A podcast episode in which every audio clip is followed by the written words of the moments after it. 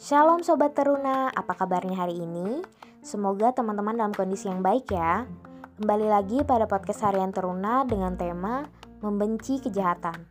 Dengan bacaan Alkitab yang terambil dalam 1 Raja-Raja 18 ayat yang pertama sampai dengan yang ke-15. Sebelum kita merenungannya bersama-sama, mari kita bersatu di dalam doa terlebih dahulu dengan cara pause audio ini. Sobat Teruna, kita dilarang untuk membenci, namun membenci yang satu ini boleh kita lakukan. Apakah itu? Jawabannya yaitu membenci kejahatan.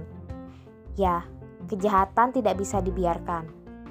Orang yang menjadi korban dan target kejahatan harus dikasihi dan dilindungi. Hal tersebut merupakan wujud sikap kita takut akan Tuhan. Pada bacaan Alkitab kali ini menegaskan bahwa Obaja sungguh-sungguh takut akan Tuhan meskipun Obaja merupakan bagian dari pengurus istana Raja Ahab yang jahat. Sebagai seorang kepala istana, sudah seharusnya Obaja mengamankan kebijakan sang ratu Isabel untuk membunuh nabi-nabi Tuhan.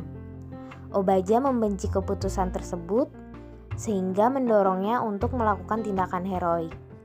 Ia mengambil 100 orang nabi, menyembunyikan mereka di dalam gua sehingga mereka dapat selamat dari ancaman pembunuhan.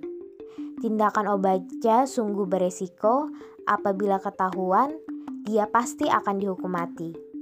Semuanya berani ia lakukan untuk memastikan orang yang tidak bersalah agar tidak menjadi korban kejahatan.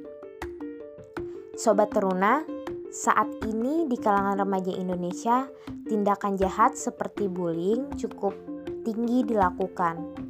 Bullying merupakan aktivitas menghina, mengolok, menyakiti, atau memukul orang lain karena latar belakang dan keadaan yang berbeda. Tahukah kita, mereka yang menjadi korban mengalami trauma dan ketakutan yang mendalam. Ada banyak kasus yang sempat viral di media sosial. Dan jika kasus itu ada di sekitar kita atau terjadi pada sahabat maupun keluarga, Aksi kecil apakah yang dapat dilakukan sobat teruna? Sekian perenungan kita hari ini. Tuhan Yesus memberkati.